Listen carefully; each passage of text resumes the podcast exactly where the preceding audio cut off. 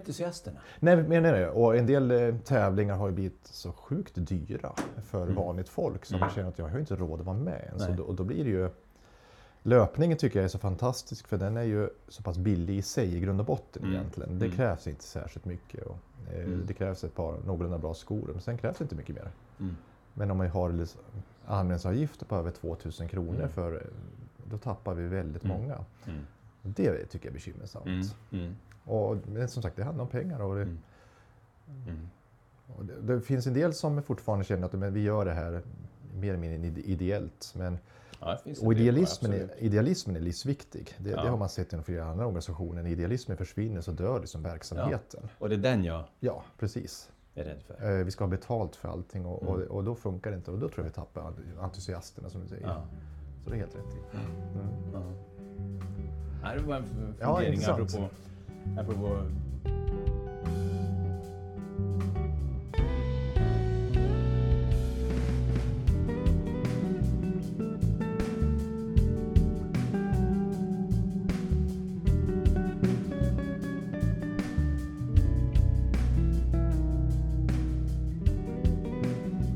Välkommen till sommarens avsnitt av Löparens själ. Vi har haft lite uppehåll, men vi försöker i sommarvärmen ändå. Sitta här på din veranda, Janne, och prata ihop ett avsnitt. Ja, precis. Det har ju varit lite uppehåll och det, det ska det vara tror jag. Vi ska inte göra det här som ett krav egentligen, även fast vi försöker hålla varannan vecka. Men det- nu sommaren blir lite annorlunda tänker jag. Vi har några namn som vi ska intervjua och sånt också. Men Ja. det, det får komma när det kommer. Ja, Men, men sen så kände vi, jag tror vi både en liten längtan och, och litet eh, intresse. Det har hänt mycket tycker jag i ultravärlden. Och eh, då har ju både du och jag funderat på vad, innebär det här egentligen? ja, med vansinniga rekord som slås nästan, eller vansinniga, men, men ehm, jag tänkte främst på den här backyard-tävlingen som var Su- Suffolk i eh, England.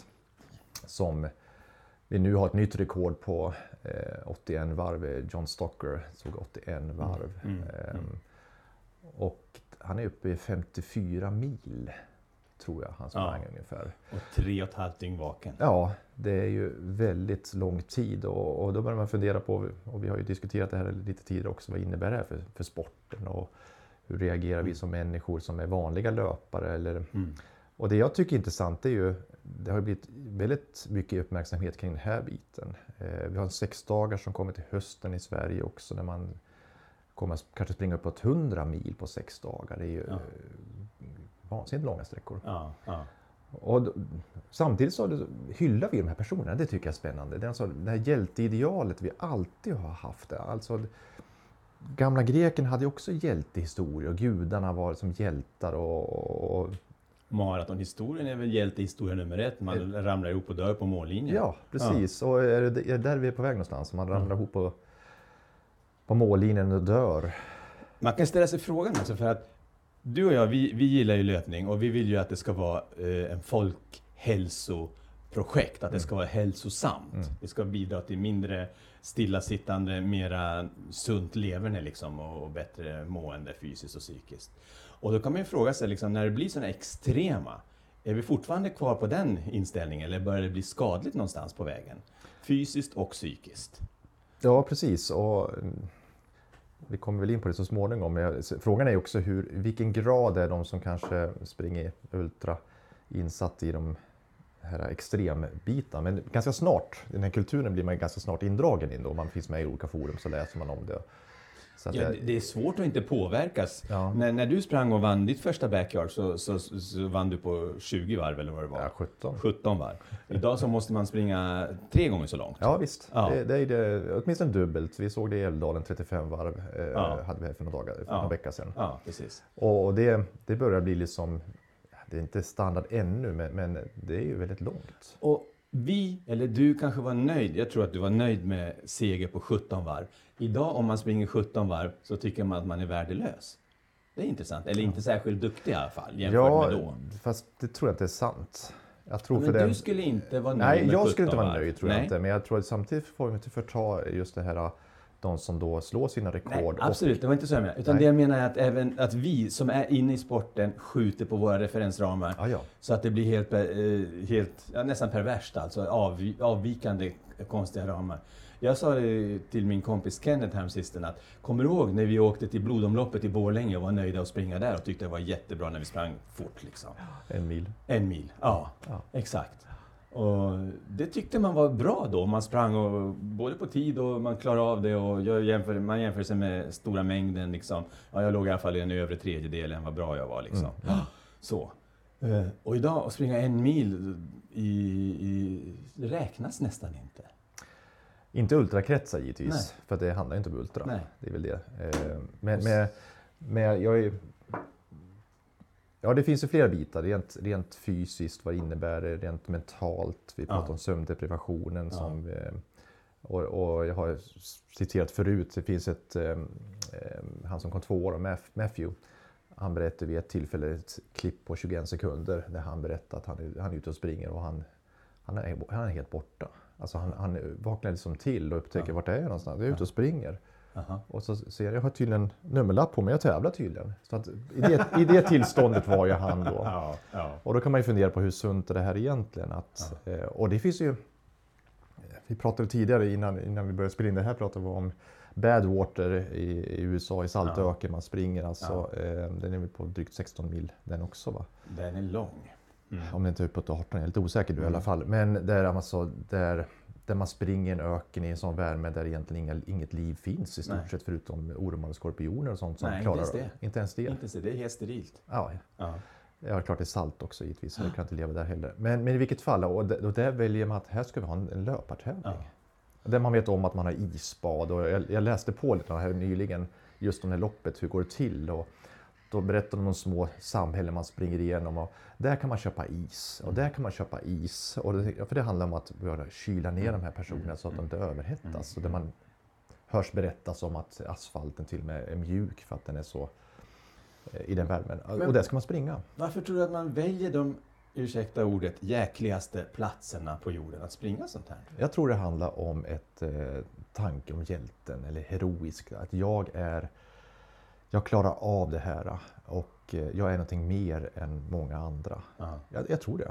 ja, Och vi har haft flera svenskar som sprungit eh, Badwater och man, man tränar genom att springa löpande i bastun. mm, Eh, mm, har man ju hört berättelser om. Och, mm. och, och vi, vi människor, alltså det här finns ju tillbaks, som sagt, vi går tillbaks till de här grekiska gudasagorna eller myterna. Och de har ju funnits hela fram till nu också givetvis. Vi älskar hjältar, vi älskar hjältefilmer. Allt Ja. ifrån västernfilmer förr i tiden eller, eller romarspelen, eh, gladiatorspelen där de, de vann mot eh, både bestar och andra människor till de superhjältarna idag som vi ser i, som jättepoppis inom filmvärlden till exempel. ja, Vi älskar hjältar och, jag, och i filosoferna pratar ju om de här, det här stoiska lugnet. Ingenting ska liksom kunna påverka mig, rent både mentalt och fysiskt. Jag ska liksom vara som klippan mhm, så, i havet. Vågorna slår emot mig, jag står fast där. mm. Så det är den delen. Och också det här narcissistiska, att vara lite bättre, lite för mer, lite snabbare, starkare. Det, precis, jag tror inte någon, någon av dem skulle påstå att de är narcissister. Nej, men tror du inte att det har med det att göra? Absolut, det tror jag. Men Mm. Det är ett negativt laddat ord givetvis. Men, men jag tror absolut att det är många som, som eh, känner att wow, klarar jag av det här, alltså då har jag gjort någonting som är ytterst svårt. Alltså Mount Everest och liknande är ju samma sak. Ja, Vi är en liten klick. Eller man, och gång på gång, alltså vem dyker djupast i havet? Fridyker. Ja, ja, ja. Det, det, vi ser gång på gång. Alltså. Vem springer på farligaste stället? Ja. Varför är ehm, ehm, ökenlopp så populära? Jo, men det är för utmanaren är klart. Mm, mm. Eller att springa i, under jättekalla förhållanden. Mm. Det handlar om att vara det stoi, stoiska, att klara av allt Ja. någonstans. Ja.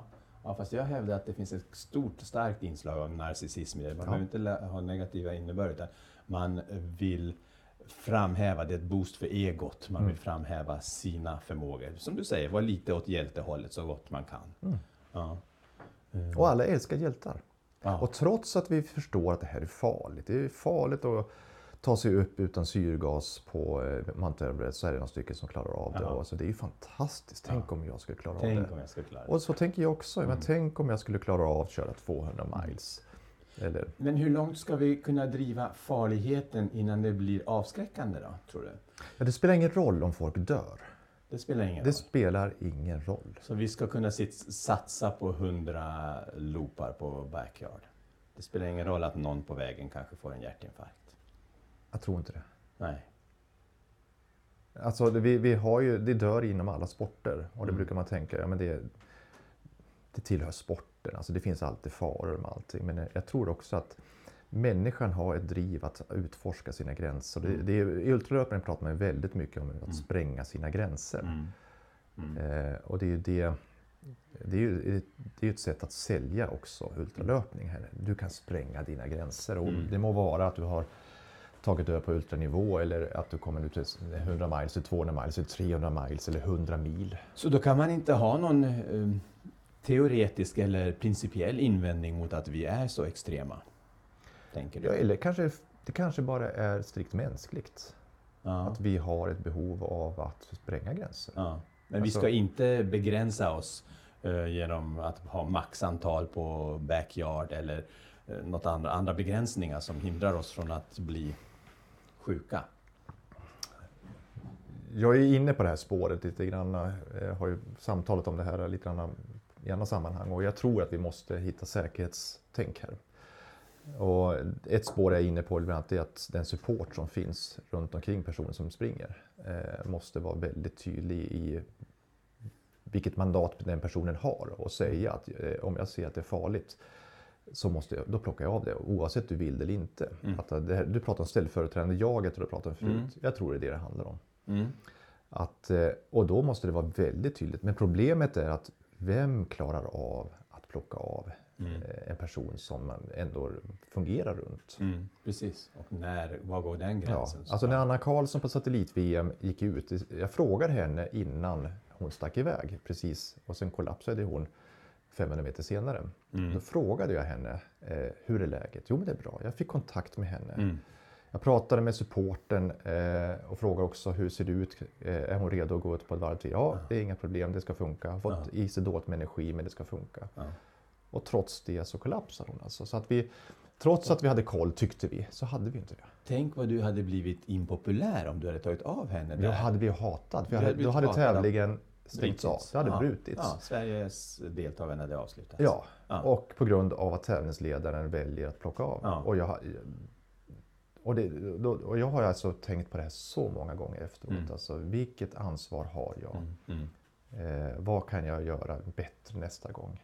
Så att vi inte får det här. Och då har du landat i att organisationen runt omkring kan förbättras, stramas upp. Absolut, plus, att sätta en tracker på de som springer eller ha en medlöpare så att de föl- följer med och följer Ja. vad som händer för någonting. Att man samtalar med personer. Det där tror jag att vi kan göra en, en del. Ja. Men sen kanske det krävs medicinsk expertis som kan göra andra bedömningar. Men det kostar ju givetvis mycket också om man ska ha de där tre dygnen. Ja. Eller de kanske inte behöver vara med tre dygn.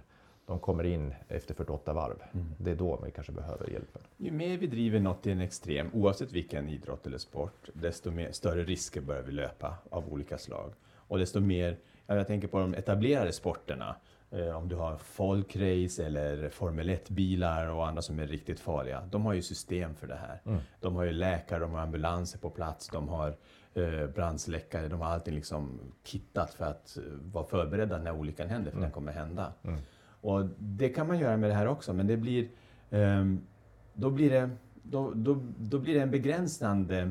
Det beror på hur man, bygger, hur, man- bygger upp det. Att bygga säkerhet är en sak, men, och sen kan man ju begränsa det. Du får inte, Formel 1-bilarna får inte vara snabbare än en viss motorstyrka. Och det kan man göra med, det här, med löpningen också.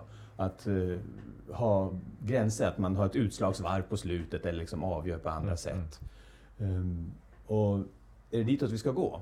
Jag tror att det finns en stor risk om vi, du- och jag pratade om det här förut Janne, att om man överreglerar en idrottsgren som löpning så tror jag att det finns en stor risk att man tar bort engagemanget Mm. för entusiasterna. Mm. Eh, Vi kan ha ambulanser och läkare och det blir dyrt att delta och det blir sta- standardiserat och formaliserat. Och vi har olika sträckor och det blir SM på den sträckan och den sträckan och den sträckan och den sträckan. Eh, Men då är, då är, då är det så reglerat så att entusiasmen försvinner. Mm. Folk kommer inte gilla det på samma sätt. Och då är frågan, kommer det fortfarande utvecklas mot en folkrörelse eller inte? Mm. Jag tror inte det.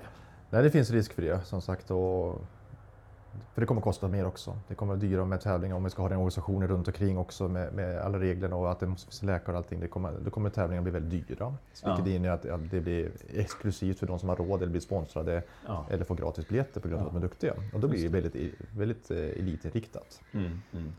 Sen finns det ju en, om vi bortser från den så finns det en etisk aspekt också. Alltså, Mm. med vilken rätt anordnar vi saker som gör att folk kan skadas, kanske permanent eller till och med i värsta fall dö. På, eh. Där kan man ha olika uppfattningar. Det där är intressant. Vad tror du? Vad tycker du? Anser du? Eh, Det beror helt och hållet på vilken etisk eh, teori jag har i så fall. Om jag ser till all, allmänna goda.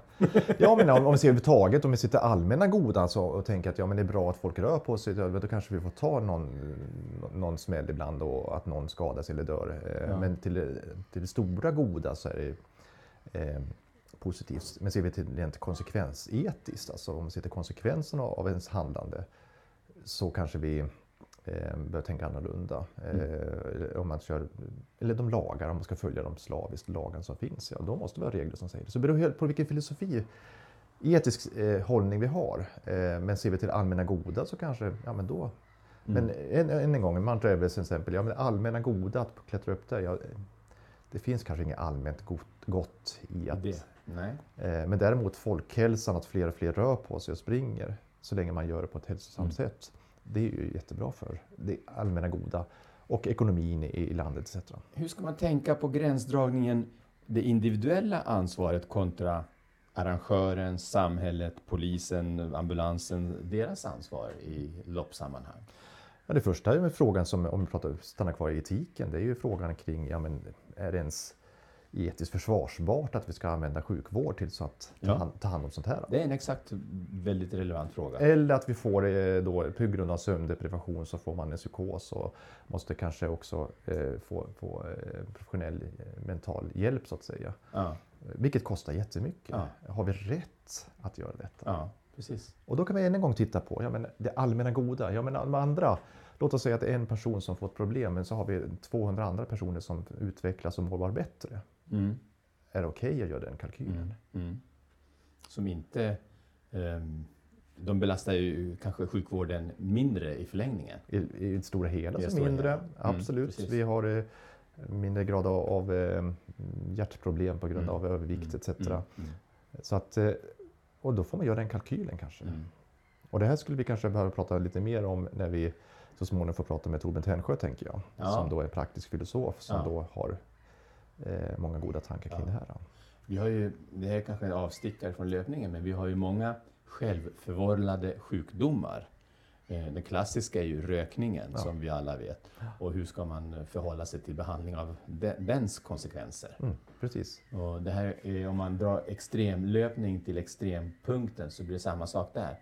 Men vi måste ha beredskap för att behandla och ta hand om Ja. eventuella Och det här är ju konflikten, människans frihet och möjlighet att kunna göra egna val i förhållande till ett totalitärt samhälle där man Mm. bestämmer allting. Mm. Eh, Efter dödsolyckan, eh, det alldeles för många dog i ultralöpningsloppet i Kina, så valde man ju det att förbjuda ultralöpningslopp överhuvudtaget, Mm. rakt av. Mm. Det. är det en bra strategi? Nej, det tror de flesta skulle säga, det är ingen bra strategi. Ja. Men vart, vart lägger vi ribban Ja. någonstans? Ja.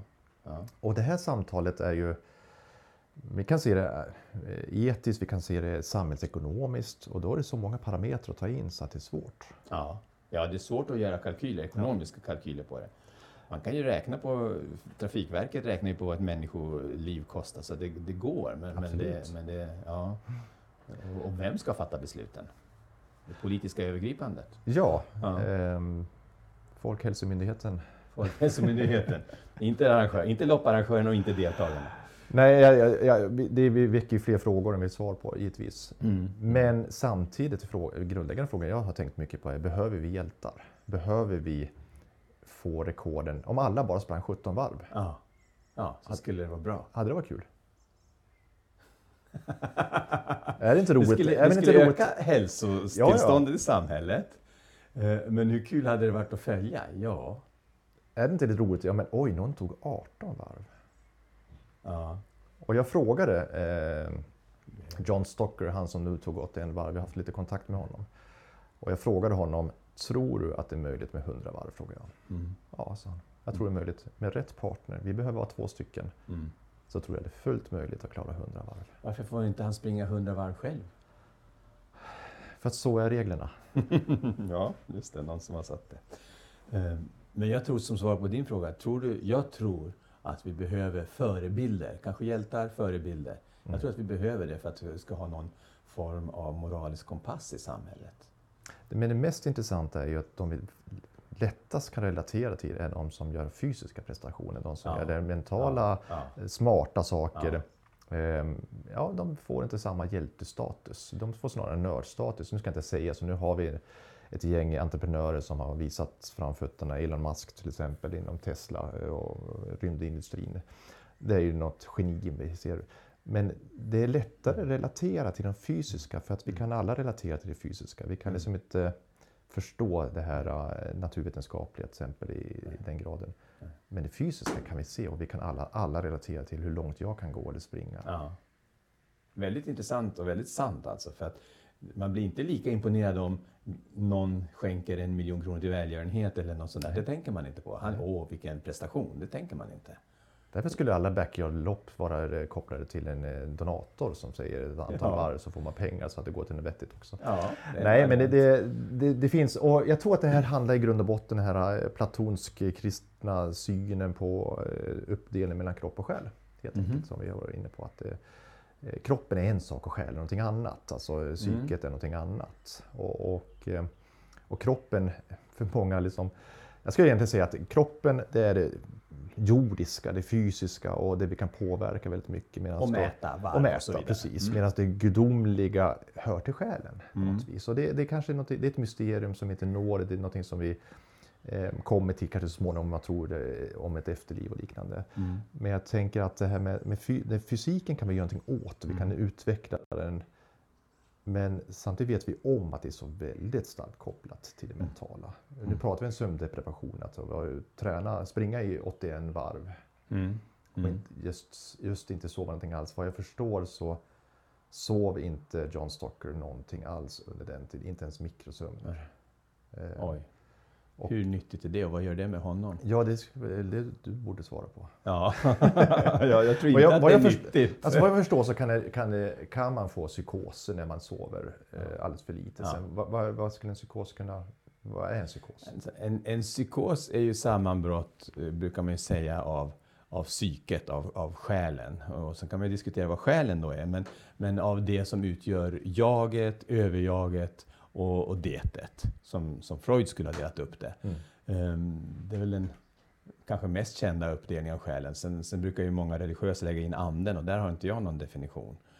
Ehm, Men ett sammanbrott utav våra psykiska funktioner, inklusive våra sensoriska, syn, hörsel, smak, lukt, den delen, eh, bryter ihop. Och det brukar uttrycka sig då som att eh, den lever sitt eget liv, eh, sensoriska apparaten. Om man börjar se, känna, uppfatta eh, saker som inte finns. Mm. Det är det vanligaste. Hjärnan producerar egna bilder för att fylla ut de här som den kanske vantolkar.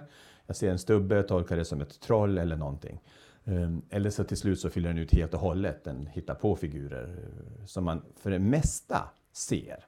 Eh, Av något skäl, jag tror att det har med filogenetik, med utvecklingshistoria att göra, så är de här grundläggande eh, hörseln och det inte så lika ofta involverade. Känseln är inte lika ofta involverade. Fast det finns absolut. Hallucinationer för känsel finns. Man känner eh, att det regnar fast det inte regnar eller vad det är för någonting. Det sägs också att, jag har läst någonstans att sömndeprivation också påverkar vår emotionella förmåga. Eh, Skulle du kunna hänga ihop med på den synen, om vi pratar om Freud här, överjaget står ju för ofta etiken och rationellt tänkande medan dietet är något här som är är det dietet som på något vis kommer upp till ytan eller hur tänker du kring den? Förstår jag tänker? Inte riktigt, men att ehm, Du menar ifall inte... Vi ja, har... men sömnen då påverkar och vi, vi tappar förmågorna till, till eh, emotionellt, eh, emotion, ja. överhuvudtaget. Ja. Eh, eller är det drifterna som tar över? För dietet är väl drifter i högre grad? Ja. Precis. Dietet är impulser som till exempel att röra dig är en sån impuls. Mm. Att gå och springa är en sån här impuls. Och den kan du hålla igång längre stunder tror jag. Um, än vad överjaget, än emotionerna, de, de, går, de försvinner tidigare. Uh, man känner ingenting. Jag ofta reagerat på det när man springer i mål efter ett extremlopp. Hur känner jag? Jag känner faktiskt nästan aldrig någonting. Gör du? Alltså det känns tomt. Det känns tomt, ja. ja känns precis. Tomt. Jag känner tomhet också. Ja, jag ja. känner väldigt tomhet. Mm. Och jag tänkte, jag borde vara glad. Nu har jag gjort av det. Jag borde vara lättad. Nu har jag släppt de här 16 milen. Nu borde jag vara liksom nöjd eller någonting. Men det känns tomt. Mm. Och det tror jag beror på att man har förbrukat mycket av sin emotionella kapacitet. Ehm, jag tror att man har blivit eh, utnött emotionellt. Det var ett intressant perspektiv. Ja. Jag. Men jag är inne på, fortfarande på modellen. Eh, som sagt, när, när då förmågan till att ta rationella beslut, att ha ett etiskt tänkande där kroppen, där man gör, där gör reflektionen att jag borde sluta för kroppen tar stryk av det här, jag mår ja. inte bra, jag, jag, jag ja. kräks, jag kräks, jag kräks och ändå så fortsätter jag. Eh, jag måste få mer energi etc. Det kan inte vara så att dietet får mer utrymme på något vis eller att de drifterna tar över i högre grad och så eh, åsidosätts då överjaget. Jo absolut, jag tror det är det, det, är det, det som, som, händer. Och, det är det som sker. Ja. ja. Att det är dietet som blir kvar, du sätter ena benet framför det andra och resten är underordnat eller borta. Mm. Eller du, vi pratade förut om att man behöver ibland hjälp av en arrangör eller av en hjälplöpare eller en eh, supporter att hålla koll på en själv. Och det tror jag att det är det de kan göra. Att de kan gå in här och se när du inte mår tillräckligt bra eller när du inte uh, orkar egentligen längre fast du fortsätter ändå. Så vi har pratat om ställföreträdande jag, men ja. vi kanske ska inte prata om ställföreträdande överjag? Ja, ja, ja. Som står för, för just de rationella besluten? Ja, både överjaget och jaget. Ja. Ja, vi kanske behöver två coacher. ja, för er som inte har läst psykologi och liknande så, så rekommenderar jag definitivt att läsa det. För det här är ju väldigt spännande utifrån ja. den teori som du också praktiserar i din, din tjänst. Ja, ja. Det, är, ehm, det är fascinerande. Det är verkligen. Och det som är mera, för att koppla an till det här med sömndeprivation, att när vi börjar springa så här långt, eller vara utan sömn så här länge, så är det inte bara psyket, även kroppen eh, tar ju stryk. Vi, ju, vi har ju varit inne lite grann på det här, att det händer en massa negativa saker eh, även fysiskt. Ehm, vi får större risk för kärlkatastrofer, hjärt-kärlsjukdomar. Vi kan faktiskt få hjärnblödningar och annat av alltför lång sömndeprivation. Vi får förhöjd insulinresistens, det vill säga vi tar inte upp socker, vi funkar inte kemiskt lika bra i kroppen, ämnesomsättningen eh, går ner på lågvarv. Um, vi får också andra men. Mm. Så att det, det, en tanke man kan ha är att hur långt vill jag pressa min kropp? Hur, långt, hur mycket stryk ska den få utsätta sig för? Jag läste någonting om epileptiska anfall ja. kan också få sömndeprivationer ja. och sånt. Ja.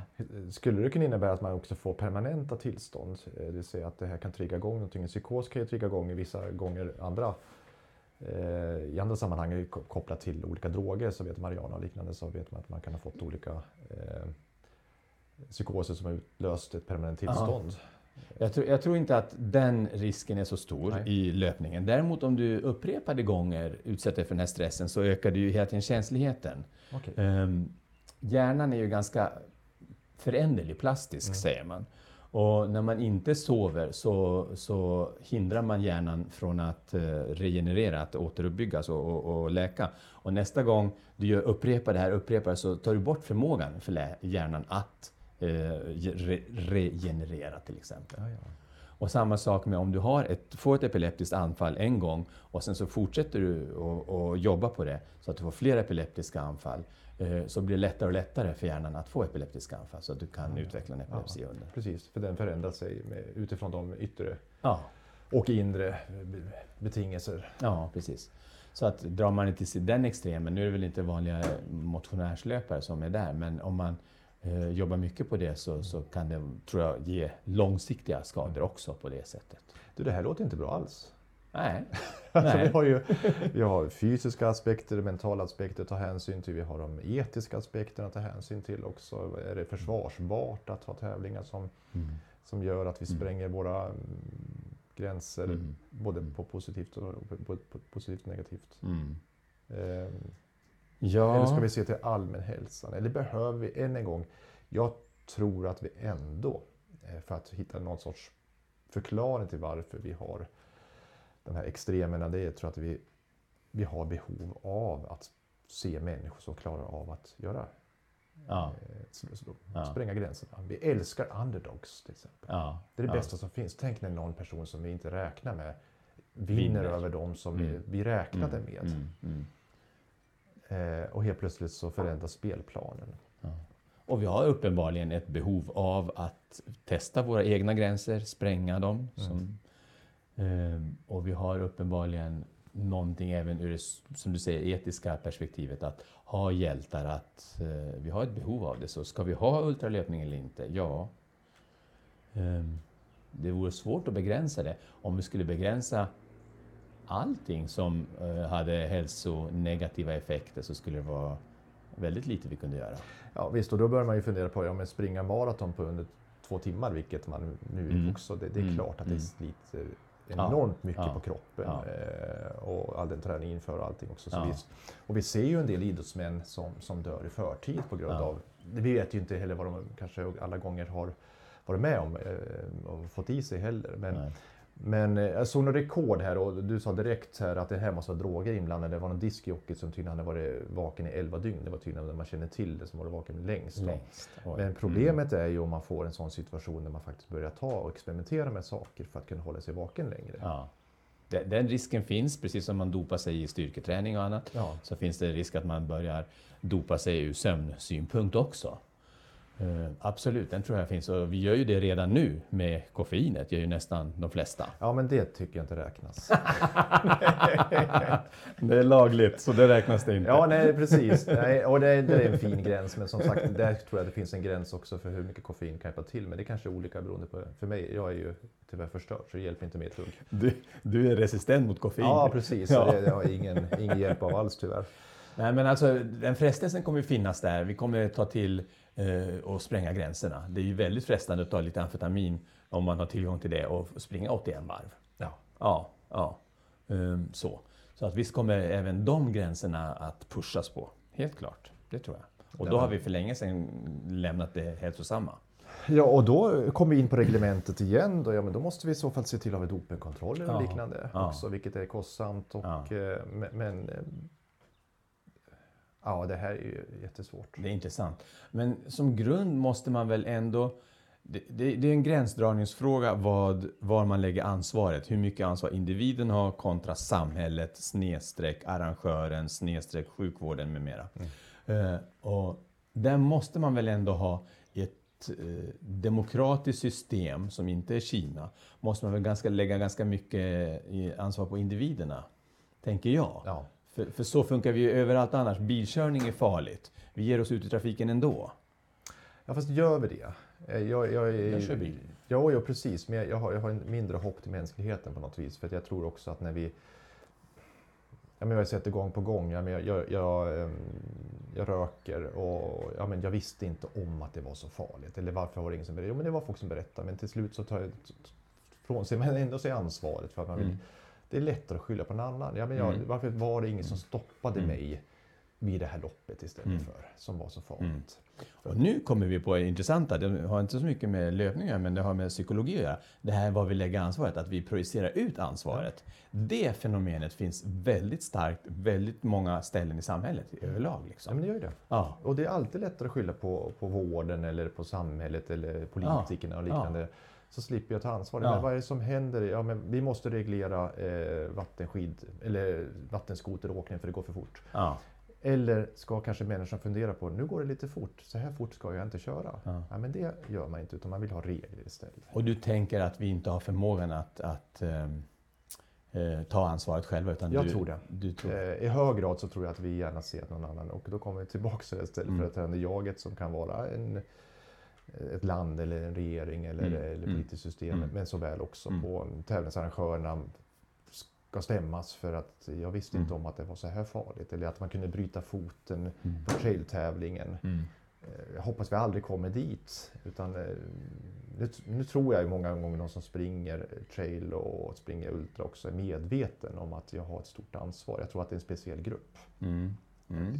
Mm. Men det skulle ju kunna vara, om vi då pushar samtidigt eh, gränserna framåt, att vi ska springa 100 varv. Mm. Vara vaken är drygt 100 timmar. Mm. Ehm, och det finns också ja, en, så, en sån tryck ifrån ledningen och liknande. Ja, då kan man ju klart från säga sig ansvar och säga men det var det här premissen vi gick in i. Ja, ja, just det. Det blir ju som i USA där man måste skriva kilometerlånga eh, friskrivningsklausuler. Ja men eller hur? Ja. Eh, och det, där vill vi inte hamna. Nej. Nej, det vill vi inte. Samtidigt är ju sporten, sportens värld lite förskonad från den biten än så länge. Men, men jag tror att Fast vi... ultraloppen i USA har väl en massa friskrivningsklausuler? Ja, jag tror jag. Jag har aldrig tävlat där så jag har ingen Jo, aning jag, jag, faktiskt. jag har faktiskt den uppfattningen. Okej. Ja. Ehm, nej, jag hoppas vi slipper utan jag, det, det jag vill uppmana alla till som lyssnar, det, det Mm. handlar om att lyssna på sig Mm. själv och det har vi pratat om Ja. massor med gånger. Ja. Att, ja, men, Okej, stoltheten säger att jag borde ju fortsätta och klara av de här 100 milen eller Ja. 200 milesen som jag ska köra, alltså 32 mil är vi uppe i då. Eh, men klokheten, visheten säger Mm. att ja, men jag kanske mår bättre av att faktiskt gå av. Mm. Eh, Men det kräver en ganska stark självkänsla också. Ja. Jag tror du är något på spåren Janne. Jag tror det är väldigt viktigt, återigen vi kommer tillbaka till det som vi har sagt förut, känn dig själv. Alltså känn dina gränser, känn vad är hälsosamt, vad går jag över den gränsen någonstans? Jag tror att man kan lära sig det genom erfarenhet. Eh, när jag har sprungit ett par mm, ultra så, så förstår man ungefär vad man, vad man har för kapacitet. Mm. Och när det börjar bli skadligt utöver det. Om man vågar lyssna på det. Ja, och, och det där är ju också en fin gräns att veta. Ja, men, jag kan ju, men jag tycker själv att jag håller på just nu, ett nytt projekt håller på att testa och eh, kroppen tar ganska mycket stryk. Mm. Märker jag just nu. Jag ska inte gå in djupare på vad jag håller på med. Men i vilket fall så märker jag att ja, men nu börjar kroppen reagera annorlunda. Och då, så hela tiden funderar jag på vad innebär det egentligen? Kommer jag få en skada nu eller inte? Men samtidigt är det ju för mig ett sätt att experimentera för att se just var går gränserna. Och jag tycker än så länge har funkat. För jag har känt efter tillräckligt mycket för att veta att ja, men idag måste jag ta en paus och göra någonting annat. För att Ja, kroppen måste återhämta sig och liknande. ja. Men det går ju att pusha hur långt som helst. Det går att pusha långt. Det går att pusha jättelångt. Mm. Och där har vi eh, ett diskussionsämne som jag tycker också är väldigt intressant, det här som vi kommer ta upp i nästa avsnitt. Det om överträning. Var går gränserna för det? Vad, vad är frisk träning och vad, vad börjar det bli Mm. utbrändhet och nedslitande, nedbrytande? Ja, du har ju trott att jag var övertränad ett tag. Och, Ja, Jag jag, tror, jag tror att du har haft gräns, gränser till det. mm, och i efterhand så börjar jag fundera på att det kanske inte är alldeles osant. nej, Så att, men vi får prata om det mer vid ett kommande tillfälle. det får vi göra. Men däremot, som sagt, den här frågan tror jag den är inte vi färdig med. Eh, det finns många bitar, men jag är fortfarande inne på, jag älskar hjältar. Ja, Ja, ehm, alltså det här, jag har som sagt jag har haft kontakt med John Stocker. Just nu är han som den som sprungit längst i världen vad gäller, inte sprungit längst i världen, men gjort flest antal varv i Backyard. backyard. Det är ändå bara hälften nästan eh, i förhållande till vad en, en hund, sex dagars gör. De Ja. Rekord ligger på 103 mil tror jag. ja, Eh, men någonstans så känner man, åh kul, jag har haft kontakt med honom. Eh, Ja. Vi vill också Just det. sola oss i glansen av de här hjältarna. ja. Eh. Högst mänskligt. Ja, absolut högst mänskligt. Och en, i bästa fall en bra drivkraft. Man, man behöver, som vi sa förut, ha hjältar som förebilder. Mm. Ehm, han springer, så ska jag springa. Så. Fast det finns ju bättre hjältar. Det finns alla sorters hjältar. Det finns negativa hjältar. Det finns Ja, absolut. Antihjältar och antihjältar. Det finns många olika. Men om vi nu tar vanliga, enkla, positiva Ja. förebilder. Ja, så tror jag att de behövs. Precis. Samtidigt så är det väl fantastiskt om vi har de här hjältarna också som i löpspåret finns där och alltid möter dem med blicken och Mm. alltid trevlig och alltid eh, lyssnar på en och liknande. Mm. Det är riktiga hjältar, det tycker jag. Det, det är riktiga Du är, en sån, hjältar. du är en sån hjälte, Kalmar. Tack. Det är riktiga hjältar. Jag brukar tänka på det här, vi blir ju lätt, apropå din eh, vurm får jag säga, då, för vad heter engelsmannen? Stalker? John Stocker. Stocker. Eh, vad är det som gör att vi blir starstruck? Alltså att vi Jag blir... försökte undvika det begreppet. Du försöker Ja, undvika det precis. begreppet, men då tar jag in det begreppet. Ja, men jag, jag, vad jag är nyfiken på och det är ju att komma in i hans huvud och fundera på hur, hur han upplevt det hela. Det är den biten jag tycker. Någon som har gjort någonting som inte gjorts tidigare. Ja, Och det är klart lite spännande med de personerna. det är absolut. Och det är inte alls samma sak som starstruck. Starstruck tror jag är, no- är, någonting när vi eh, tillskriver någon människa nästan, eller där vi tillskriver nästa, våran nästa människa, den hjälten då, eh, över eh, naturliga egenskaper. Mm, Eller mm. där vi vill ge dem för mycket helt enkelt. Nej, nej, det här är ju en högst vanlig människa som Ja. har lyckats eh, hantera den svåra situationen. Ja, ja. Och det är det jag är nyfiken Och på. det, det, det är imponerande och det, det kan man absolut vara imponerad av. Mm. Så. Ehm, Men apropå, apropå den övergripande diskussionen om hjältebehovet Ja. så har vi också ett behov av att eh, sätta upp folk på piedestal. Mm. Starstruck, alltså att sätta upp folk på ett ställe där de inte är och inte kanske vill vara. Jag tänker så enkelt som alla tonårstjejer som gillar eh, pop-pojkband. Liksom. Hur hysteriskt starkt det där kan bli. Det kan väl bli en väldigt, väldigt stark eh, mekanism. ja, eller så är det fullständigt naturligt att vi har behov av idoldyrkan. Ja. Jag tror det är fullt. Alltså det har vi alltid haft. Vi har alltid, som sagt i historien rakt igenom har alltid Ja. funnits hjältar. Ja. De, eh, som, som har klarat av absolut värsta förhållanden. Det är de filmerna som säljer. Ja. Och det handlar inte bara om superhjältar, det handlar om de som har utstått eh, alla möjliga hemskheter under krigen och liknande. Men ändå överlevt mot alla odds. Ja. Det är de som vi ser som hjältar. Ja. De, de är viktiga tror jag. För De är viktiga, de behövs. Ja, men har Ja. vi dessutom en hjälte som är sympatisk så är det ännu roligare. Ja, ja. Ja, så är det. Spännande. Ja, verkligen. Eh, här i sommarvärmen så känner man att här finns det mer att, fundera på. Vi har några lopp här som kommer framöver under sommaren och en hel del Ja. ultralopp och sånt också. Så Hoppas att, det eh, kommer igång nu ordentligt med löpning. Jag tror att vi har alla ett sånt behov av att, att springa och Ja. få till det organiserat. Och det blir också en intressant diskussion vad som händer när vi äntligen kommer igång med löpningen. Jag var anmäld till Älvdalen Backyard Ultra. Jag hade egentligen kunnat säkert vara med. Men för att jag inte kunde ladda mentalt så valde jag att stiga av. För att jag var osäker på om det skulle bli av så jag hann inte förbereda mig tillräckligt. Och jag tror att det här ställer till besvär både för arrangör och för deltagare. Och jag blir nyfiken på vad som kommer hända nu när den här proppen släpper. Jag tror att det blir eh, grötigt, rörigt. Både hos arrangörerna och, och hos eh, ja, deltagarna. Tänker, ja, och det var det Daniel Westergren sa här nyligen när jag var med, med, i Ultraaktuellt här det sista avsnittet. Jaha. Då sa han att ehm, det här eh, personliga rekordens tävling som går i Växjö, 24-timmarsloppet, Ja. det var slutsålt på en dag. Jaha. Och, och det är ju helt eh, exceptionellt. Och jag tror att det, det, han trodde också att det kanske är pandemin på något vis. Som nu, nu, nu nappar man på varenda lopp som finns. Men 24 timmars lopp, att det blir slutsålt. Ja, just det. Det är extremt. Ja, det är extremt. Och sen är det hälften som är förberedda för det. Ja, det vet jag ingenting om. Det tänker jag. Ja, Nej, men alltså mentalt ja, ja, förberedda. precis. Eh, för de har inte haft den kanske chansen att ladda upp eftersom de inte vetat att den skulle bli av. Nej. Tänker jag. Nej, precis. Och eh, ja, vi får se var, var Ja. det någonstans. Ja, spännande. Vi får eh, förhoppningsvis en, en intensiv och välfungerande höst, löphöst. Det hoppas vi på. Ja. Och eh, fram till dess så får vi bara träna på i sommarvärmen. Ja, hitta på våra egna utmaningar. sen. Ja, det finns sådana. Bra. Tack alla ni där ute. Ha en bra, skön, varm sommar. Fortsätt springa. Löp väl. Hej då!